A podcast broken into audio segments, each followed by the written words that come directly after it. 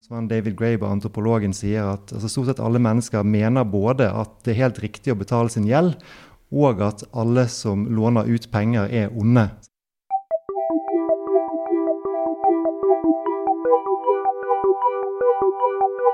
There is no alternative. There is no alternative. There is no alternative. No, no, no. Hvorfor er det greit å betale 2% rente på boliglånet, mens det er uhørt å ta 9% rente for forbrukslån? Hvor går grensen mellom en god rente og ågerrenter? Hvorfor har det blitt sånn at 98% av pengene i økonomien vår er basert på gjeld, og dermed involverer renter? Og hvem er det som har bestemt at det å kontrollere styringsrenten skal være Norges Bank sin viktigste oppgave? Rentes rente, altså det at et beløp vokser ekstra mye fordi renten legges til saldoen, sånn at rentene også gir renter, det høres jo helt supert ut når vi snakker om penger vi har sjøl. Men det høres kanskje ikke like bra ut når vi snakker om lån som diktatorer i flere utviklingsland tok opp på 60-tallet, hvor beløpet er tilbakebetalt flere ganger uten at lånet har blitt mindre av den grunn.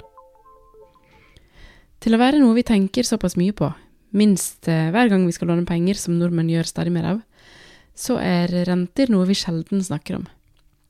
Renter er liksom bare en urkraft i økonomien, noe som alltid har vært der, og alltid kommer til å være der. Da glemmer vi at renter opp gjennom historien har vært gjenstand for mye debatt og store betenkeligheter, både filosofisk og moralsk. For det er en annen ting med renter. Til å være noe som tilsynelatende er så enkelt, altså bare tall som viser prisen på pengene, så er renter overraskende vanskelig å skjønne, og ikke minst å forstå omfanget av. Alle de store religionene har f.eks. For hatt forbud mot renter, og i islam så blir det fortsatt sett på som forbudt, noe som f.eks. har som konsekvens at en del norske muslimer aldri kommer seg inn på boligmarkedet fordi de ikke kan ta opp boliglån uten å bryte med renteforbudet.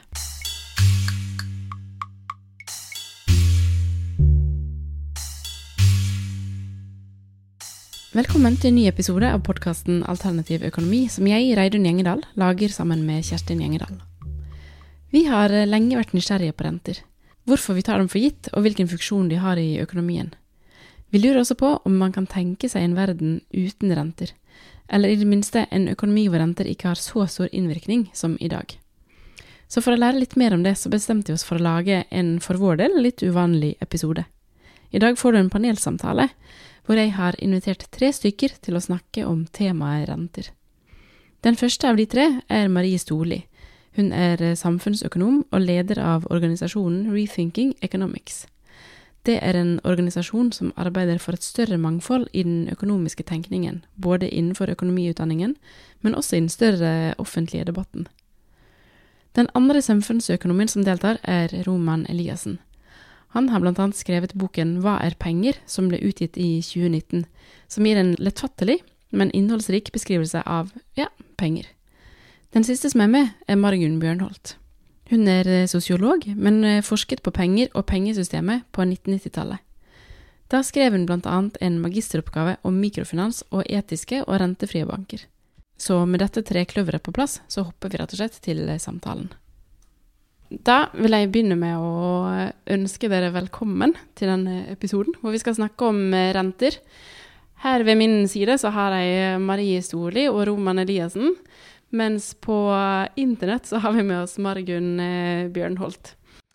Eh, så med disse tre i episoden så er vi klare for å snakke om en del av økonomien som vi som regel tar helt for gitt, nemlig renter.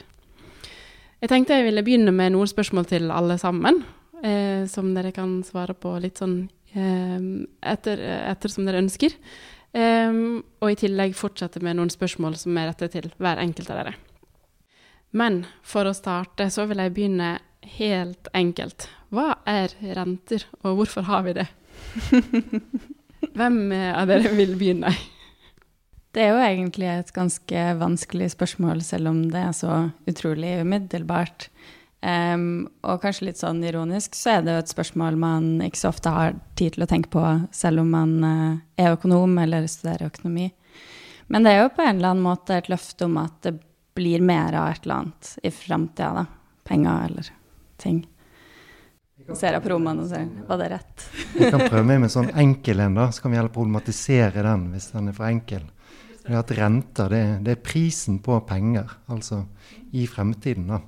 Så hvis du får penger eh, i dag, eh, så er det som som må betale tilbake i fremtiden, så er renten prisen eh, på de pengene som du lånte.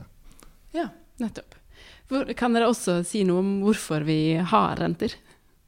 Trenger vi å vite prisen på fremtiden? Ja, så dette, Det er jo kanskje et, lang, et, et, langt spørsmål, da, men hvis vi ser på det sånn nå, i moderne forstand, så er jo det, det altså hvis noen vil låne ut pengene sine, så kan jo de, de kunne ha brukt de pengene til noe annet, f.eks. investert i eller noe sånt. Så da kan man si at da må de få noe tilbake fordi at de gir slipp på, på de pengene. Det kan være en begrunnelse for det. Og at det er en risiko for at de ikke får pengene tilbake, så de skal ha betalt for den risikoen. da. Mm. Eh, bankene, når vi ser på reklamer på TV eller i avisen, eller noe sånt, så går ofte bankene ut og reklamerer med at vi har den beste renten. Men hva, hva er en god rente? Margunn, har du noe eh, innspill der? Nei, det vet jeg ikke om det finnes et enkelt svar på. Altså, det er jo noen som mener at rente er helt galt i seg selv, og jeg tenker det er jo viktig å altså, I dag når vi snakker om det, så er det jo en selvsagthet omkring det. Ja, men det er prisen på å låne penger, og selvfølgelig må du betale for det. Og du må betale tilbake det du har lånt, og med renter. Eh, men eh, det at i historien så har man jo sett på renter som eh, veldig galt, både religiøst og filosofisk, i, i, i veldig mange samfunn. Det, det, tenker jeg er jo det er viktig å tenke på. da, at, at den er naturlig omkring. At eh, selvfølgelig betaler vi renter, og selvfølgelig ja, vil vi jo betale minst mulig, og de som låner ut skal ha mest mulig. Men eh, ja, markedsprisen blir jo da midt imellom der, selvfølgelig. Det er hva man er villig til å betale, og hva de som låner ut vil betale. Men hva som er bra eller dårlig ved det, det er, det er jo det er et helt annet. Det, jo, det, kan være et moralsk eller et uh, religiøst eller et filosofisk spørsmål.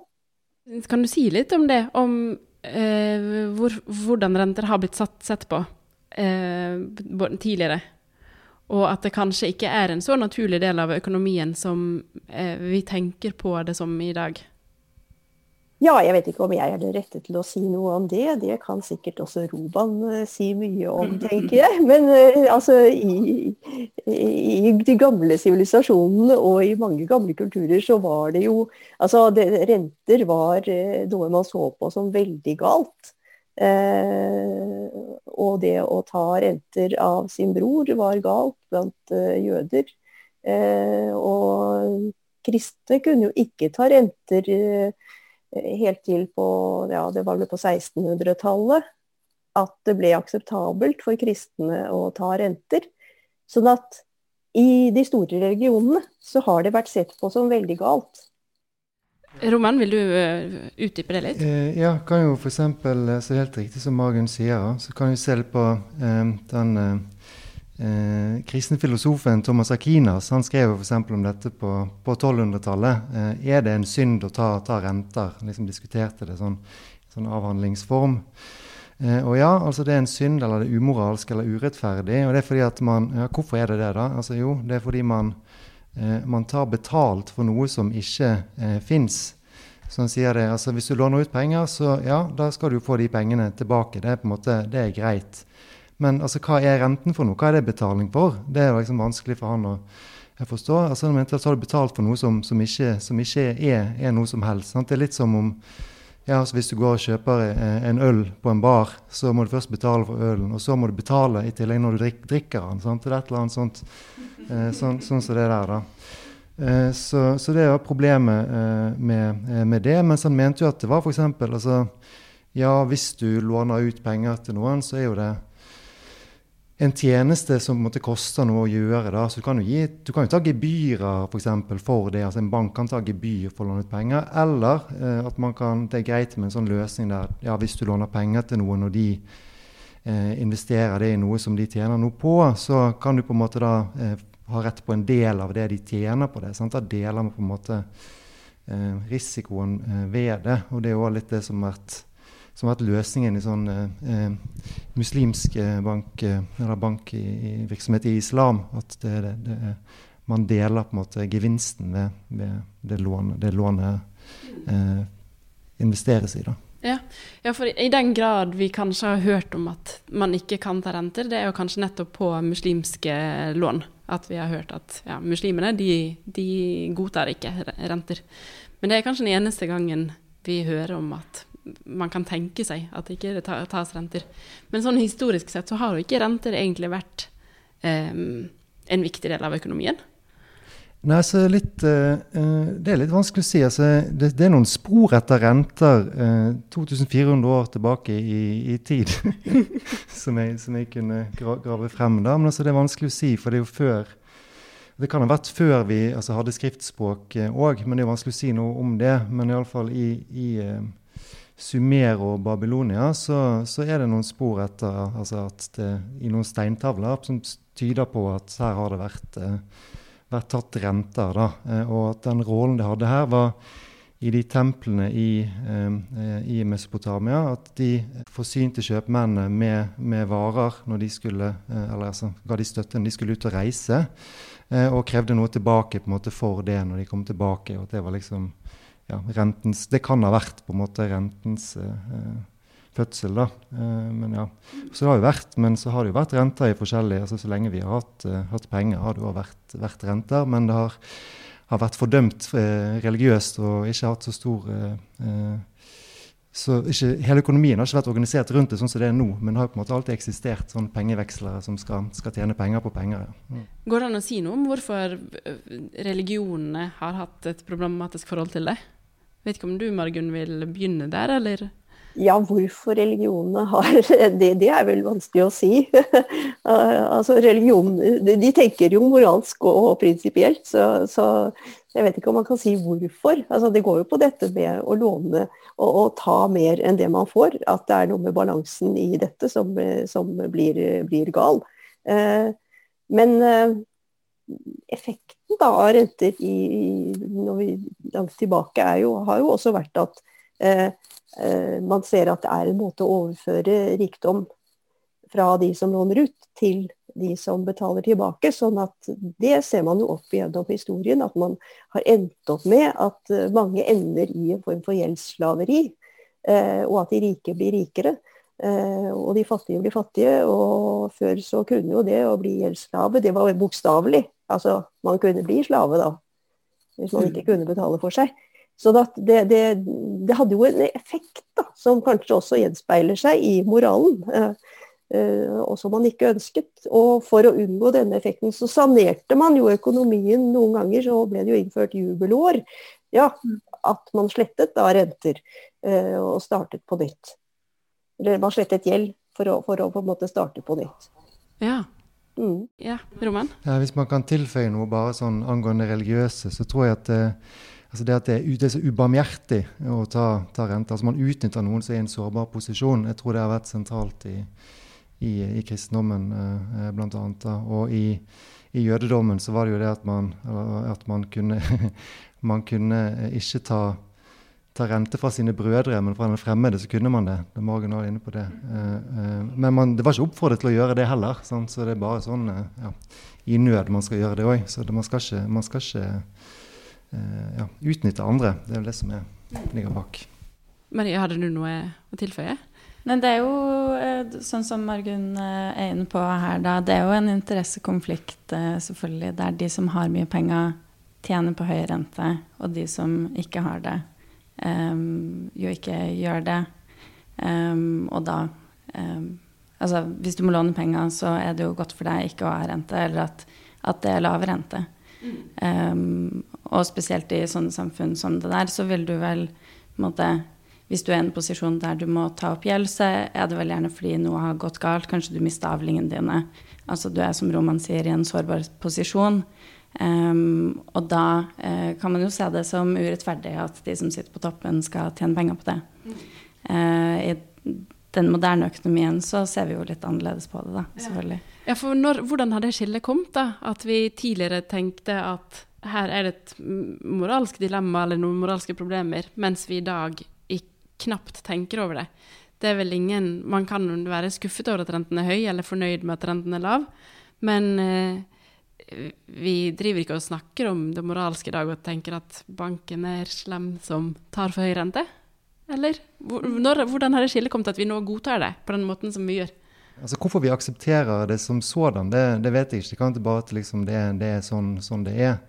Eh, og man aksepterer det at man må betale litt fordi eh, man på en måte ja, eh, ikke har de pengene, og at eh, det, det, krever at man betaler noe for det. Men eh, vi har jo fremdeles en sånn moralsk altså Vi har mange moralske syn på det. vi er jo, altså Man snakker jo om ågerrenter fremdeles når du ser på sånn forbrukslånsbanker og sånn. Da tenker vi at her det er for det, det, er for mye, liksom. Sant? Det går en grense et sted. Det der er utsuging. Det er ikke greit. Men sånn vanlig boliglån, studielån, ja, OK. Eh, men så er det jo samtidig så har vi jo sånn altså Mennesket har en sånn som David Graeber, antropologen, sier at altså, stort sett alle mennesker mener både at det er helt riktig å betale sin gjeld, og at alle som låner ut penger, er onde. Sånn, så det er jo noe, mange moralske syn på det fremdeles, tenker jeg.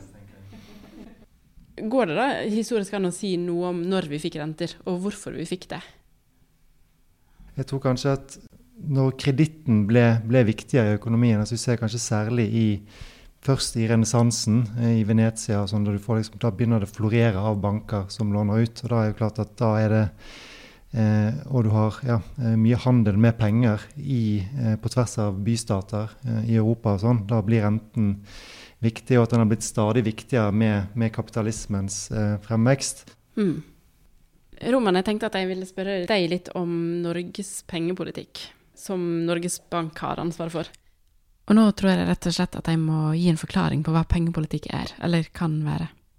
Jeg har funnet fram til sidene til Wikipedia, hvor det står at pengepolitikk er betegnelsen på regulering av pengemengden i et land for å styre landets økonomi. Det gjøres som regel av sentralbanken på oppdrag av et lands myndigheter. Målet med pengepolitikken er typisk å holde inflasjonen under kontroll, men det kan også være å påvirke valutakursen. Virkemidlene i pengepolitikken varierer litt fra land til land. Norges Bank sitt hovedverktøy for å regulere pengemengden i Norge er fastsettelsen av styringsrenten. Og styringsrenten i Norge er renten på de innskuddene andre banker har inn til Norges Bank. Og det blir dermed også minimum for bankenes utlånsrente. Og nå tilbake til spørsmålet til Roman. Kan du, kan du, si litt om hvorfor det har blitt sånn at renten har blitt ho, det viktigste verktøyet vi har når vi snakker om pengepolitikk?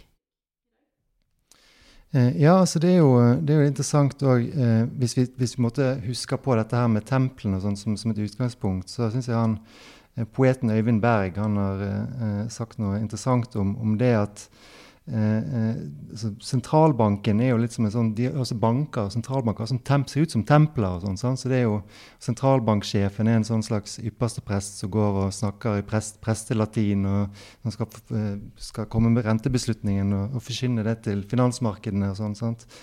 Eh, så, Men det er jo en eh, det som har skjedd siden, eh, eh, siden 90-tallet særlig, så har man jo fått en stadig mer uavhengig eh, sentralbank som setter renten under et inflasjonsmål. Og sånn har det jo ikke alltid, alltid vært. og det er jo på en måte en av de to viktigste stolpene i økonomisk politikk er renten, og det andre er det som heter finanspolitikk, altså at staten bruker penger over budsjettet. Eh, men pengepolitikken har jo blitt stadig viktigere, og den har blitt stadig mer politisk. For man har tenkt at dette er jo egentlig bare en sånn der, eh, nøytral sånn eh, mekanikerjobb. Sant? Skru opp og ned på en, på en, bryter. Men vi har jo sett nå at etter siden finanskrisen så har sentralbankene rundt omkring eh, eh, trykket masse penger for å kjøpe Eh, verdipapirer i finansmarkedene, eh, verdi, altså, som har ført til at mange folk har blitt rikere pga. det osv. Det er høyst politisk, men, at, men, det er egentlig ja, eh, samtidig som det er utenfor politisk kontroll akkurat hva de gjør, bare at de har en jobb om å styre inflasjon. Det er på en måte det. Så ja, hvorfor det har blitt sånn det skulle, det, Politikerne skal ikke bli fristet til å uh, sette renten opp og ned, uh, eller særlig ned, da, foran, foran valg. Eh, for de er, ikke, de er, ikke, til å stole på. Men altså er det bedre da at, eh, at eh, det er fullstendig utenfor demokratisk kontroll? Det er liksom et åpent spørsmål, tenker jeg. Mm. Og nå etter, eller under korona, så, så, har jo den debatten der om pengepolitikken blitt enda mer hett fordi at den er så politisk, og det var åpenbart etter finanskrisa, og det er kanskje enda mer åpenbart nå at uh, pengepolitikken jo også er politikk, som jo ligger i, i ordet, ikke sant. Men, men, uh, men, konklusjonen på en måte blir sånn at det pengepolitikken må gjøre for å holde på sin uavhengighet, da, og fortsatt kunne bli ansett som apolitisk på et vis, er å bygge opp under den finanspolitikken som politikken vil føre. Ja. Sant? For de er jo alltid et samspill. Hvis staten bruker mer penger, så er det en viss sjanse for at det blir inflasjon, og da må, da må renta øke. Da må pengepolitikken svare på det. Sånn at Norges Bank må svare på det politikerne allerede har igangsatt, på en måte? Ja. ja. Og da vil man jo til en viss grad òg tenke på det når man lager eh, finanspolitikk. Hva slags reaksjon kommer på, en måte, på andre sida her, da. Så nå kan man jo spørre seg hvor på en måte, uavhengig den er, hvis den er nødt til å eh, bygge opp under det finanspolitiske måte, prosjektet, da, eller den viljen som finnes der. Så, så, er den jo ikke uavhengig på den måten. Men den er jo institusjonelt uavhengig i at den, det er jo ikke et folkevalgt eh, organ. Men ja, når vi snakker om dette demokratiet, ville det vært demokratisk mulig å la folket bestemme renten, eller altså gå inn og faktisk ta en rolle her? Altså jeg, tror det, jeg, tror det, er fornuftig med et, med et skille, altså. Men noe, noe, av det som Marie er inne på altså, Man kan jo ha situasjoner der sentralbanken bare motarbeider det. Eh, Finansdepartementet vil. Altså særlig I Norge er ikke, det, er ikke det noe stort problem. Det er uformelle kanaler mellom de. Sant? De snakker sammen uh, uten at vi, vi, ser det. Men eh, i USA det, kan det være litt sånn sant? at eh, staten bruker penger, og så setter sentralbanken opp renten, og så motvirker de på en måte formålet med det. Men jeg tror at løsningen er at vi må bruke finanspolitikken mer. altså Politikerne må være tøffere i å bruke penger på det de vil bruke penger på. Bruke mer penger for å styre økonomien, heller enn å bare overlate det til, til sentralbanksjefen. Og Da får du på en måte mer demokratisk økonomisk politikk, tenker jeg. Og vektlegge pengepolitikken mindre. Ja. Men noen, hvilke fordeler og ulemper har det at renten har en såpass viktig rolle i pengepolitikken i Norge? Det, altså, det som er um, Argumentet bak det er jo at det er, det er forutsigbart. Det er forutsigbart for, eh, for markedene og, og, for folk. Altså, eh, de vet at det ikke eh, Sentralbanken kommuniserer ganske tydelig hva de har tenkt å gjøre lang tid fremover. Og sånn, og da vet folk eh, eh, ja, antagelig følger bankrentene det samme, og hvor mye penger de skal låne, og sånn, skal de binde renten eller ikke. og Alle sånne beslutninger er på en måte mer, mer forutsigbare og enklere å ta. Det er vel en en fordel eh, ved det. Mm. Har du noen ulemper òg? Eh, ja. har du noen eksempler på det? Altså, ulempen er vel kanskje at du har altså, som, som, som sa i sted, altså Finanspolitikken kunne hatt en mer sentral uh, rolle. Det kunne vært mer demokratisk økonomisk politikk sånn sett. Og så egentlig så har ikke vi så mye frihet i rentepolitikken, og det er en ulempe. Fordi vi, vi sier at den er uavhengig, men den, den, følger jo stort sett bare det eh, sentralbanken i andre land gjør. Sånn, sånn at det er på en måte en ulempe med regimet som, som, en helhet.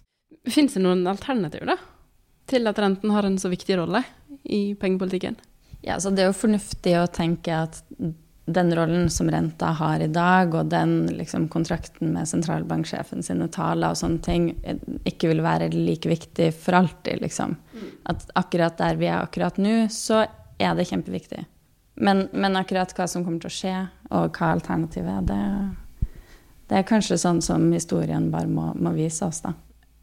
Marie, i organisasjonen Rethinking Economics så jobber dere bl.a. med å utvide mangfoldet i det som er pensum for økonomistudenter. Hva lærer man om renter og pengepolitikk dersom man studerer økonomi i dag? Um, man lærer jo for så vidt mye av det vi har snakka om nå. Det er jo det som er makroøkonomi da, i økonomiutdanninga. Mm. Um, og da snakker man jo litt om, om styringsrenta, bitte litt om at markedsrente er noe annet enn styringsrente, men det er mest uh, det pengepolitiske det går i. da. Hva skal sentralbanken gjøre, og hvordan tenker sentralbanken at den skal oppføre seg, og sånne ting. Um, så det går ikke så mye utover det, sånn som det spørsmålet hva er alternativet til det. Det lærer man ikke så mye om, men, eh, men, man lærer litt om hvordan det systemet fungerer i dag, da. Er det en del av pensum som burde endres på? Um, det ville jo vært uh, syns jeg, da, spennende uh, og, og, kanskje ha lest mer uh, i makroøkonomi om de ideene og de debattene som går litt utover det. Hva kunne det være? Ja, det er jo Jeg syns jo f.eks. at denne boka 'Hver penger' av Roman gjerne kunne stått på pensum i makroøkonomi 1. Sånne ting hadde jo ikke vært helt dumt for å åpne opp noen rom der man kan se på nettopp det at ting har ikke akkurat alltid vært sånn som de er i dag. Og de kommer jo heller eh, ikke alltid til å, til å være sånn, da. Og så, kunne man nok snakka mer om hvordan, eh, måte, hvordan kreditt og gjeld jo faktisk fungerer i økonomien. For det snakker man ikke så mye om. Um, man sier sånn Å, styringsrenta, de, det er Norges Bank sin rente som den gir til bankene. Og så er markedsrenta det som sant, vi eh, møter i banken. Men man sier ikke så mye mer om hva er det som skjer i disse bankene. da. Hva er på en måte dynamikken der, og, og hvordan påvirker det økonomien for øvrig. Og det ville jo vært spennende debatter å ha for, for studentene, tenker jeg da. Mm. Ja, for jeg vet, før, før, vi møttes nå, så har du bl.a. nevnt at renter henger tett sammen med boliggjeld. Det at vi tar opp gjeld for å kunne kjøpe boliger i dag. Kan du si litt om hvordan det henger sammen? Altså, hvordan henger rentene sammen med boliggjeld? Renten henger jo sammen med, med gjeld i økonomien eh, generelt. Og fordi at bolig er en fast ting eh, som det er lett for banken å stole på at, eh, at eh, den kan tjene penger på hvis ikke du kan eh, oppfylle din del av kontrakten, ikke sant? så er det jo en, en relativt sikker ting for banken å gi lån til. Um, så her er vi jo litt i det der eh, hva er det som skjer i banken og mellom banken og forbrukeren, da. Så det aller meste av, av eh, gjelden som husholdningen tar, er jo nettopp i bolig. Um, og det gjør at boligprisene har økt mye fortere enn en prisene ellers i økonomien. Og relativt blitt dyrere, da. Ja, ganske dramatisk. Til nå er man jo på et punkt der debatten har liksom sklitt over i sånn Dette her går jo ikke så mye lenger. Men det er jo ingen som har presentert et eh, Eller det finnes alternativ og debatter om de, men, men i på en måte den, den, mest allmenne debatten så er det jo ikke noe, noe annet enn kanskje man skulle gjort noe med liksom skattereglementet da. Kanskje du Ja, sånne småting, men, men ikke på en måte noe dyptgripende i akkurat den, um, den gjeldsdannelsen der, da. Jeg syns det er vanskelig med altså, det med forholdet mellom rente og altså, hvor mye gjeld folk har. og sånn da, er jo at altså, Det er et spørsmål som du spurte tidligere om hva er en god rente. altså En lav rente er jo en god, god, rente. på en måte. Det er bra at penger skal være billig, tenker jeg. For, fordi ellers er det på en måte omfordelende aspekt fra de som har formue, til de som har eh, gjeld, hvis det, hvis det er høye renter. Eh, men det er jo vanskelig, da, fordi altså, så sier folk at ja, renten, må ikke, renten, må settes opp for at folk ikke skal ta opp mer lån enn de kan betjene. altså da Når renten går opp, så får ikke de råd til å betale gjelden og sånn. Men jeg tror at det er i hvert fall eh, det som eh, økonomen Kanes sa, er jo at det ikke, altså, det, penger skal være billig, liksom. Og det du må regulere, er jo da hvor mange som får de lånene da, til den, eh, til den eh, prisen. Men sant, da har vi jo igjen det problemet at har, altså, vi holder på med sånn egenkapitalkrav på bolig og sånn allerede. Og da, ja, sant, da har du på en måte det problemet der igjen, da. Så ja, det er vanskelig. Eh, vanskelig å gjøre noe med. Men skatt er jo en, en, god, eh, en god, innfallsvinkel til den problemet, tenker jeg. Um, Margunn, jeg har uh, lyst til å snakke litt om hvilke alternativ som finnes til de vanlige bankene i dag. På 1990-tallet så skrev du en magisteravhandling om dette, hvor du bl.a. studerte den svenske Jack-banken. Kan du fortelle litt om den banken, og hvordan de tenkte om renter da de ble etablert? Ja, eh, jeg tenker ofte når vi snakker om dette, så blir det jo veldig teknisk og veldig vanskelig å se for seg noen alternativer i det hele tatt. Så Derfor er det jo veldig interessant at det faktisk finnes noen som har laget alternativer som bygger på en teoretisk og politisk og moralsk kritikk av rentenes funksjon i økonomien. Og det gjør da denne JAK. Det står for jord, arbeid, kapital. Um, og det startet som en form for krisebevegelse i Danmark på 1930-tallet. en form for eh, sparelåne, et slags andelssystem. da, Et sparelånesystem hvor bønder særlig eh, satte inn penger og sparte sammen for å kunne gi hverandre lån til selvkost. Så det var da uten renter, men som Roman nevnte i stad, at man betalte da for den kostnaden det var med å drifte systemet. Eh, så det startet i Danmark og fungerte i Danmark eh, helt til den banken eh, dessverre kom til å låne ut for mye og ikke klarte seg på Jeg husker ikke om det var på 70-tallet, muligens. Mens den fikk da en avlegger i Sverige som startet tidlig på 60-tallet. Og det var da en del mennesker som gikk sammen om å spare penger sammen og gi hverandre lån etter tur etter en formel som deres mastermind Per Almgren het han, som, som, var en ingeniør, som var den som laget det systemet man skulle bruke for å holde dette i balanse. Da jeg skrev om dem, så på 1990-tallet så var det sånn at den svenske sentralbanken hadde satt opp styringsrenten til 500% ja, det var og det var en veldig veldig god nyhet da, for en rentefri bank. Da, så, så, så, de holdt jo på å knele, fordi dette systemet var jo laget som en slags uh, liten forening mellom folk som ja, jeg husker jeg tror de kanskje hadde 2000 medlemmer eller noe da jeg uh, startet. Så de 30, gikk de fra 2000 til 30 000 på under et år. Da fikk de jo veldig alvorlige problemer, fordi du måtte først spare før du kunne få lov å låne.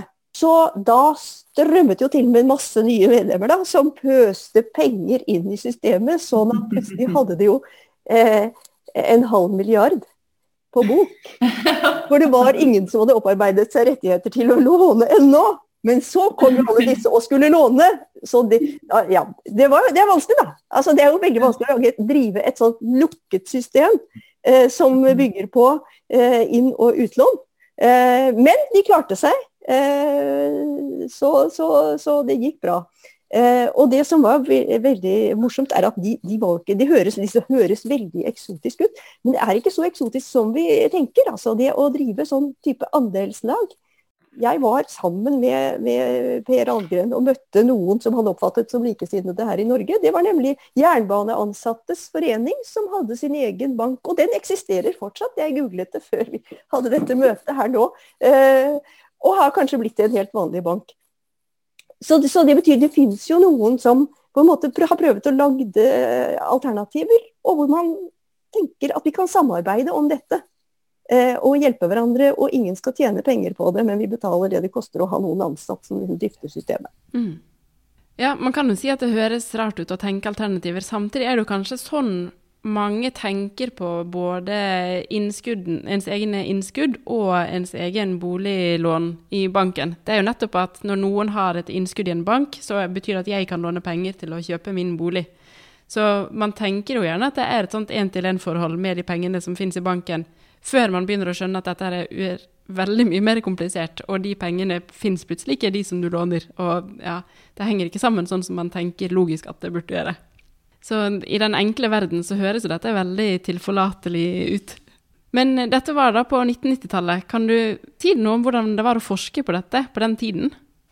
Ja, altså jeg, jeg eh, skrev da om alternative finansieringsorganisasjoner, og da var denne Jakbanken det var en av de tre som jeg så på, den ene, og den eneste som, som var begrunnet i en kritikk, en, en, teoretisk kritikk av rentenes funksjon i økonomien så var det andre som eh, drev med å kanalisere penger på en slik måte som banker gjør, og som var i ferd med å bli banker, men som ennå ikke hadde blitt det formelt.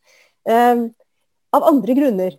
Nemlig eh, Kultura Bank, som nå er en bank og fungerer som en helt vanlig bank, men som styrer etter andre prinsipper enn det å tjene penger på penger. Så inn, dels kan innskyterne velge litt selv om de, hva slags rente de vil ha, og du kan avstå fra rente. Men poenget er at de låner ut penger til prosjekter som man ser som samfunnsmessig nyttige og gode, som man ønsker å styre på en måte pengestrømmen i retning av sånne mm. prosjekter som man ønsker skal eh, bli realisert. Og Det er jo en annen type motivasjon. De springer ut av den antroposofiske bevegelsen. Og Eh, da jeg studerte dette her, så var det den absolutt største gruppen av alternative banker. Um, og det er det muligens ennå. Jeg har ikke fulgt så nøye med. Men, men, som da fungerer som banker, men hvor det er de prosjektene man ønsker å finansiere, som, som på en måte skiller seg fra andre banker. At det er ikke først og fremst hvor lønnsomme de er. Men, eller jo, de må være lønnsomme, så jeg tenker de driver på en helt vanlig forretningsmessig måte. Men de har noen tilleggskriterier som går på at det skal være eh, etisk og sosialt eh, forsvarlig. Og nå har jo det blitt veldig Så nå sier jo alle at de er, eh, er det. Men eh, eh, Så jeg tenker det, det, det, det, skjer vel en form for kooptering. Det viste seg under finanskrisen da, at disse etiske bankene de klarte seg veldig mye bedre enn de andre. Oh, ja.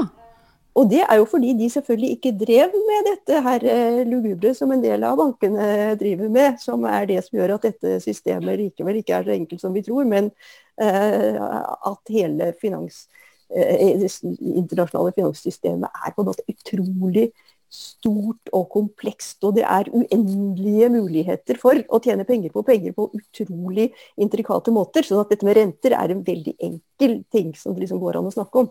Mens de fleste bankene er jo innvevd i et system som er en del av en mye større sånn profittmaksimerende mekanisme, kan du si. Og da var det sånn de etiske, disse sosiale bankene, de drev, de drev, ikke banker av den samme grunnen. De drev ikke banker for å tjene penger på penger, de drev fordi man ønsker å styre pengene til sånne ting man ønsker skal skje. Ja. F.eks. økologisk eh, landbruk og barnehager og eh, ulike typer virksomheter som man tenker er en del av den mer miljøvennlige og bærekraftige framtida som man ønsker å se. Da må man sørge for at de, pengene stilles til rådighet for, for sånne prosjekter. Mm. Du nevnte også noe om at da du forsket på dette, så var du ganske alene om å tenke, tenke på dette i det hele tatt? Ja, det, det, var jo ganske få, men samtidig så var dette altså Da, på 90-tallet, så, så, så, så jeg dette var veldig få. Men de, var, de, vokste jo utrolig raskt, så det ble flere. Eh, og det var mange. Og mens jeg holdt på med det, så etablerte de en internasjonal eh, felles organisasjon og på en måte begynte å, slå seg sammen og snakke sammen, alle de som var, jobbet på den måten. Eh, så det var jo et raskt voksende, men veldig lite fenomen likevel. Så ja, og, og, jeg tenker dette med i det hele tatt å kritisere, måte, eller snakke om at du kan tenke om dette på en annen måte, det syns jo de aller fleste var rart. Jeg prøvde å teste ut noen av disse ideene på noen venner av meg som er økonomer også. Bare denne ideen om rentefri økonomi Altså, det er ikke mulig, da. Tenk, selvfølgelig må jo pengene ha en pris. Altså, det er på en måte helt utenfor det som går an å tenke seg. At det kunne være noe galt. Ja, alle disse moralske kritikkene som jo eh, mange samfunn har strevd med og diskutert og skrevet masse lærde verk om, det er, var liksom helt borte da, fra og nå tenker jeg, nå har det jo skjedd. Nå er det jo flere. Jeg tenker det, det, Dette fenomenet har jo vokst. så Det finnes flere typer sånne organisasjoner og folk som, som uh, tenker og teoretiserer og kritiserer og prøver å på en måte bevege dette i ulike retninger. Så ja, det Marie og Roman, dere har jo engasjert dere i dette temaet litt seinere. Eh, hvordan ser dere situasjonen i dag? Er det mer rom for å snakke om dette i dag, eller er det større interesse for det? Ja, det er jo sant som Margunn sier, at det er blant liksom, hvert fall en fraksjon av den, liksom, de yngre generasjonene en veldig stor interesse for uh, slike ting. Og Kultura Sparebank går jo veldig godt. De har uh, stor vekst uh, blant sine kunder. Um, I Tyskland er det et mylder og sånne type sosiale banker. Um, ja, jeg kjenner ikke til så mange andre land, så det Men det er nok en bevegelse som, som står sterkt, eller gjør seg godt nå, da. Og kanskje vokse litt. men det er klart, visjonen er jo ikke så, å vokse så veldig fort. så det er kanskje det beste man kan håpe på, det, da. Mm. Ja, så Det kommer nok til å bli mer av, av den type bankvirksomhet, tenker jeg. da, For når du ser at på en måte ja, de store finansinstitusjonene, finansmarkedene, eh, begynner som altså, ja, Det er jo med større eller mindre grad av grønnvasking å være opptatt av eh, etikk og bærekraft, så er det jo klart at ja, no, det, det, kan få stor, altså endringer i, i, selve systemet, hvis vi er litt optimistiske. da. Eh, men det gjelder å forske på det, sånn, så vet jeg ikke om økonomer er så interessert i det i dag, eh, dag heller. Men nok mange i andre, andre disipliner i samfunnsvitenskapen som, som, er interessert i det. Ja. ja, det er nok primært fra andre fag at man studerer akkurat det. Mm. Jeg er jo sosiolog, så, men jeg har også studert økonomi. Som både Margen og Roman har vært inne på, altså én ting er at man kan eh, Renter har kanskje to komponenter i seg, da, sånn som vi snakker om renter i dag. Ene, den, den, ene delen er det som betaler for kostnaden ved å drifte f.eks. utlånsvirksomhet av penger. Mens den andre komponenten er rentene som gjør at man faktisk tjener på å gjøre den jobben. Skjønner jeg riktig? Er det sånn at vi kanskje bruker renter, rentebegrep i dag om to forskjellige ting? Ja, så renten skal jo dekke, ja, den dekker jo på en måte hele bankvirksomheten. Både profittmarginen og eh, selve driften av banken, kan du si. Det gjør jo det. Men vi, vi bruker jo rente om altså sånn grunn, Grunnrente snakker vi òg om. Sant? Da er det jo noe annet når vi snakker om liksom den, den ekstra verdien eh, du får av å hente opp naturressurser, f.eks. Um, så rente er jo egentlig et videre begrep eh, enn bare det som handler om prisen på, på penger. Uh, ja, det er jo altså rent på engelsk er jo liksom samme sånn ja, fra eie jorden, på en måte. Grunn, grunnrente. Men vil det også si at når vi snakker om rentefrie banker, så snakker vi aldri om reelt rentefrie banker? Man kan ikke ha en bank som tar null i rente, eller kan man det? I praksis så var det jo slik at de da tok eh, et gebyr som mm. var et form for administrasjonsgebyr for å dekke det at de jo hadde da datamaskiner og mennesker ansatt som håndterte eh, dette systemet. Sånn at det var jo profittdelen av, av, eh, av renten, kan du si. Ja, det er jo veldig lite. Det var jo gebyrer i banken før, det kan jo jeg huske til og med at det var. Men det er slutt på det. ja. Det er jo bare, ja, De fleste tjenestene er jo gratis nå. Med mindre man skal ha sånn faktura i posten. Ja. Men på den motsatte siden da, så ble jeg veldig nysgjerrig på den svenske sentralbanken som så seg nødt til å ta 500% i eh, styringsrente. Ja. Hvordan havner du der? Nei, det får andre forklare. Men Veldig mye gikk jo galt, da. ja. Nærmer vi oss eh, en definisjon på dårlige rente, kanskje? det vel omtrent der. Nå, pengesystemet har blitt så, så, komplisert at det er få som egentlig skjønner hvordan det er bygget opp eller henger sammen. Nå sa jo du Margen, at renter var den enkle biten av pengesystemet her, men jeg vet heller ikke om renter er så enkelt. Men er det likevel, da, til tross for at dette er så komplekst, er det likevel mulig å tenke seg noe alternativ, eller har vi gått inn i et spor som er så ugjennomtrengelig for folk at det er umulig å tenke seg noen alternativ? Altså, jeg tror i hvert fall at det at det er så komplekst, det gjør at det er mulig for dem som gjennomskuer systemet, å tjene seg veldig, veldig rike. Og noe av det som gjør det mulig, er at man overlater det til noen andre, og at altfor få vanlige folk, vanlige økonomer, politikere, tar, prøver å, å skaffe seg den oversikten og styre jeg tror at uh, altså, om rente eller ikke om, man, om rente, altså, man skal avvikle rente som sådan, vet ikke om liksom er, er noen sånn aktuell problemstilling. på en måte, Men jeg tenker jo at hvordan man organiserer pengevesenet, eh, kan man jo gjøre noe med. Altså, er jo, nå er det jo sånn at mesteparten av de pengene vi bruker, er oppstår i forbindelse med gjeld. Altså Når folk tar lån i banken, så blir de pengene til, og de er jo knyttet rente til de pengene som sådan. Men hvis man hadde hatt en altså, altså Det betyr at pengevesenet vårt er nesten fullstendig privatisert. Det er bare 2% kontanter som ikke er det. Eh, sånn man kunne jo hatt da en, en, en, annen type penger som ikke er gjeldsbasert, som er utstedt av staten. Sant? Sånn at du har f.eks. en statlig digital penge som, som, når staten bruker penger over statsbudsjettet, at det er den man bruker da. Og da vil jo ikke den være knyttet til gjeld og rente på, på, samme måte. Så Sånne ting kan man jo se for seg. da, At liksom økonomien blir mindre gjeldsbasert. da, Og at derfor at renten kanskje får en, får en mindre betydning sånn, uh, i systemet, kanskje.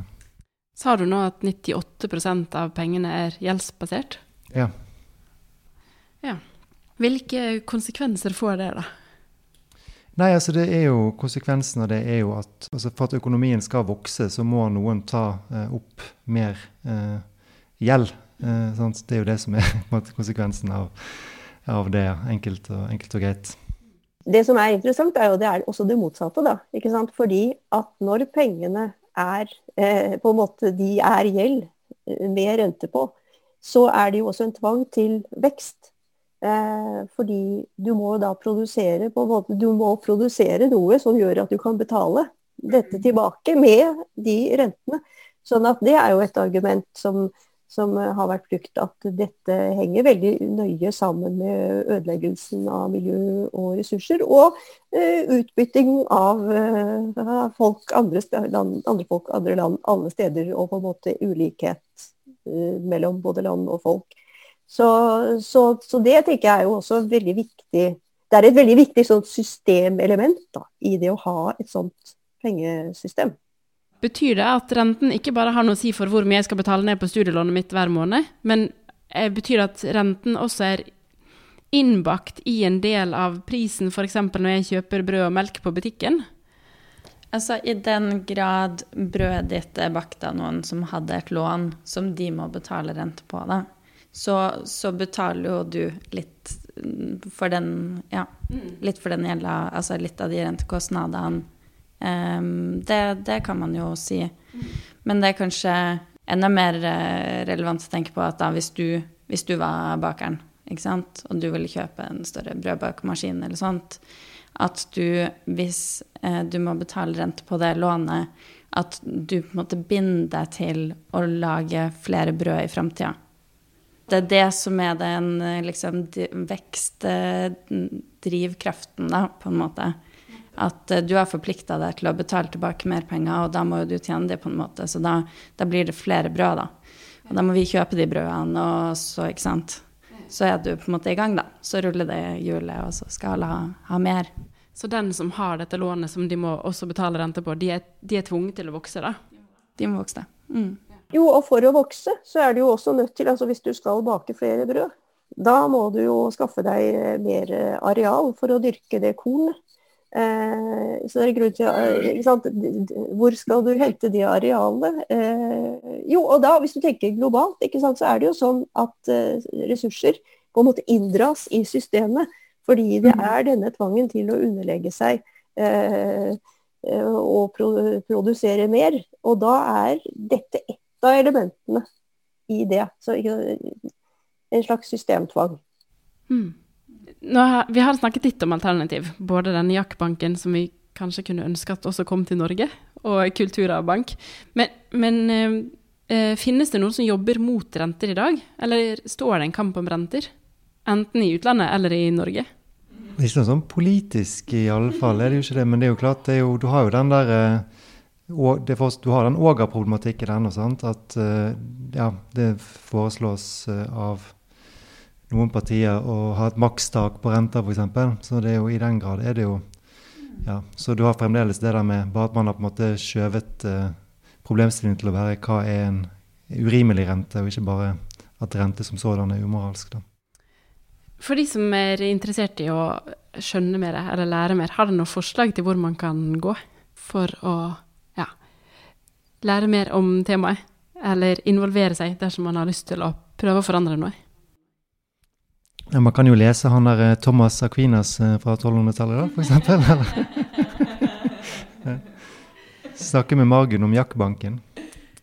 Nei, det finnes organisasjoner. Positive Money er én organisasjon. Mm.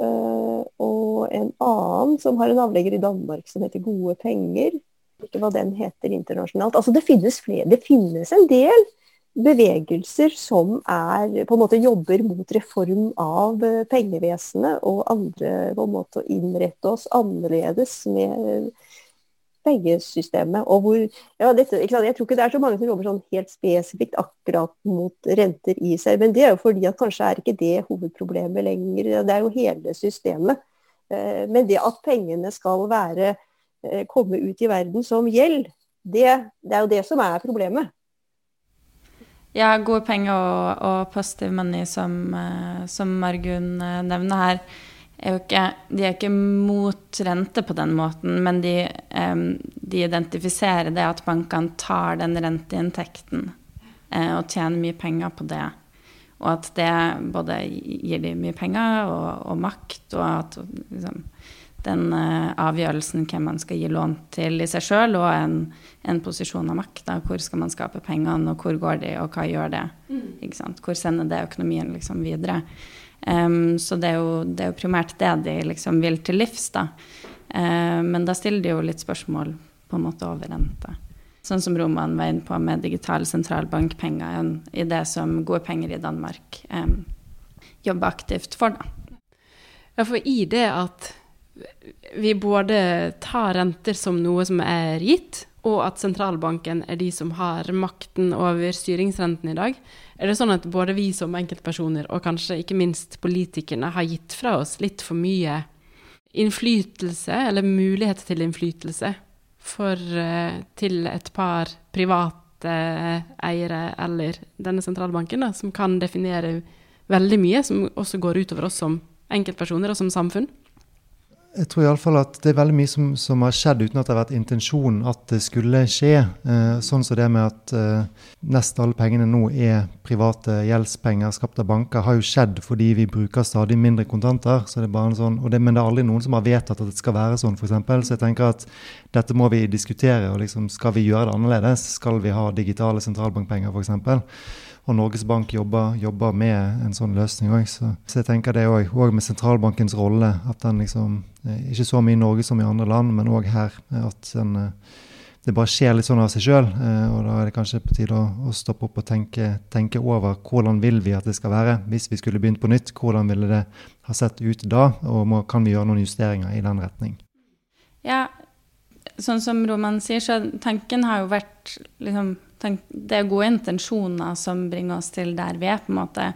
Og, og tanken om å være liksom markedsnøytral og la markedet eh, finne sin egen vei og, og ta sine egne beslutninger, er jo på mange måter en god tanke, fordi det finnes mye informasjon i markedet, og, og, da kan de eh, ta gode valg. Eh, men sånn som med det grønne skiftet der vi er i dag, så, så blir jo likevel den det markedsnøytrale blir jo beskyttende på, på en måte status quo, da. Det er vanskelig å få til en radikal og brå endring i den økonomien når, når eh, ting er sånn som de er. Og da har man ikke like enkelt for å sette liksom, de politiske klutene til verks. Og få til et grønt skifte, selv om politikken sier at jo, men det skal vi ha. Nå skal vi ha en grønn omstilling av økonomien. Men så er det ikke åpenbart hvordan man skal få det til å skje i bankene. Og de verktøyene har man ikke funnet på ennå. Eh, men der tror jeg det kommer til å skje saker og ting. Altså, det systemet vil, vil utvikle seg fordi at det må da. Det er på mange måter sånn økonomien utvikler seg. Ja, det kan man jo håpe, men jeg tenker det er jo også en fare for det motsatte. ikke sant? At uh, Det er jo en enorm innovasjonsevne og vilje, tenker jeg, til å lage uh, nye instrumenter som man kan bruke for å berike seg på penger i finansverden. Og man må ikke være naiv og tenke at dette skjer av seg selv, eller uten, uh, ja, uten at vanlige folk politikere, andre, at man rett og slett er kritisk til det som er, og stiller krav om hvordan, ja, hvordan det bør være. Eh, tenker jeg. Det er kjempeviktig, sånn som Roman sa i stad også. At man må tenke gjennom hvordan fungerer dette. Og hvordan burde vi ha rigget det hvis vi ville oppnå det vi vil.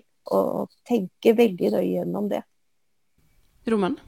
Jeg bare skulle si sånn enkelt om alternativet til, til rente. altså Hvis vi eh, forutsetter at vi har et sånt økonomisk system som, som, vi har nå, at noen må forvalte penge, pengesystemet, sånn som sentralbanken, eh, så er jo alternativet at i stedet for å sette prisen, altså renten, så setter de mengden. Og sier at det skal bare være så mye penger. Men da vil jo prisen på en måte settes i markedet, bare i markedet. Så da er ikke styringsrenten lenger det som sant? Så da har du, det er jo da sånn, sånn sett eh, alternativet. Og da er ikke det alle som vil få, få like billige lån for eksempel, som i dag, fordi mengden penger vil være absolutt begrenset. Ja.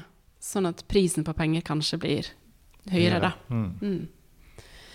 Er det viktig å snakke om renter, eller burde vi snakke mer om det? Ja, jeg syns vi burde snakke mer om pengevesenet generelt. Og så syns vi kanskje burde snakke om det med at ja, eh, er det noe moral eh, i Altså, hva er moralen her? Eh, Sånn, vi sitter jo her og er litt sånn Vi lurer på hvorfor, hvorfor det egentlig var galt. Vi skjønner det jo at det er noe. Alle skjønner at det er et eller annet med det der å låne penger som ikke er helt, er helt greit, egentlig. Så ja. vi burde snakke mer om det. Margunn? Jeg tenker det er kjempeviktig å, å snakke om hva, hva, hva, hva på en måte pengesystemet gjør, og hvem det tjener. Follow the money. Marie, har du eh, et innspill? Jeg tror absolutt vi bør tenke mer på, på penger som gjeld, og de rentene, og hvordan disse tingene fungerer. Hvordan det Jeg så en film nylig der liksom det store poenget var sånn at det er gjelden som driver vekst i økonomien. Og så er det liksom Det poenget er egentlig så enkelt. Men mens jeg satt der, eh, så jeg bare sånn Men jeg klarer egentlig ikke å rappe hodet mitt helt rundt det, da.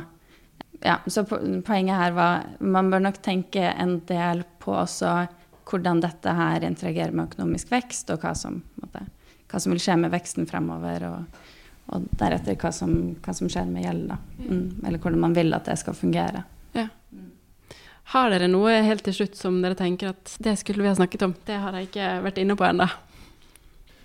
En annen ting som er interessant, er eh, at det er interesse, altså ordet på engelsk 'interest' for rente, er jo av det interesseordet interesse, ordet som òg heter det på, på latin. Interesse.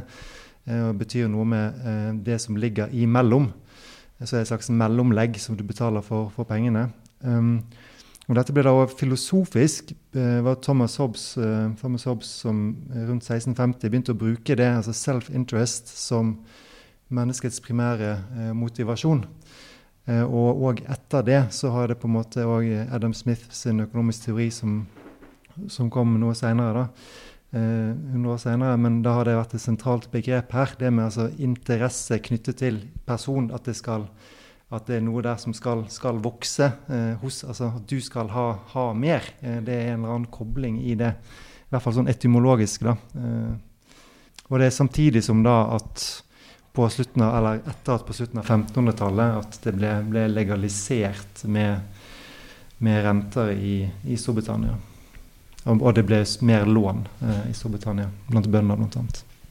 Legalisert på den måten at det var en politisk beslutning om at nå kan vi ta renter. Ja, at det i alle fall ble ja, det mer lån blant, blant bønder med, til rente, rentebærende lån. Mm. Hva med deg, Margunn? Jeg har ikke noe mer som jeg hadde tenkt å snakke om, men jeg tenker at det som Roman nevnte akkurat nå, da, at det er viktig på en måte disse eh, lange eh, s- røttene tilbake til hvordan denne tanken kunne oppstå og bli eh, helt tatt for gitt. At det henger jo sammen med hvor, hvor endringer i synet på mennesket, på hvem man er, på hva som driver oss som personer, og hva som eh, holder samfunn sammen. Eh, ja, og at det er viktig å gå opp disse sporene historisk, og, og tenke dem på nytt. Kjempefint. Tusen takk skal dere ha, alle tre, for en bra eh, samtale. Takk for gode spørsmål. Det var veldig hyggelig. Veldig bra. Takk for initiativ og spørsmål. Ja. Ja. Skal vi håpe at dette er første steg på å øke diskusjonen og oppmerksomheten rundt rentespørsmålet, da? Vi satser på det. Og hvis du nå er interessert i å vite enda mer om rentens betydning, så kan du besøke nettsiden vår på www.alternativøkonomi.no, hvor vi har samlet litt ekstra lesestoff om temaet. Tusen takk for at du hørte på.